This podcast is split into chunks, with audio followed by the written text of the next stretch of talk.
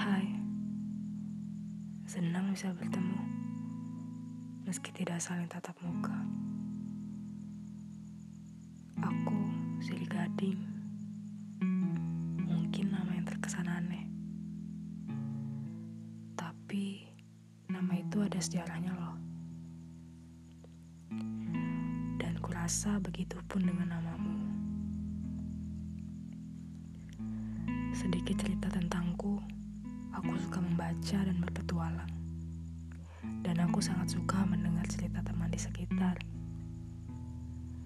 Dan mungkin podcast ini akan kuisi dengan penggalan-penggalan cerita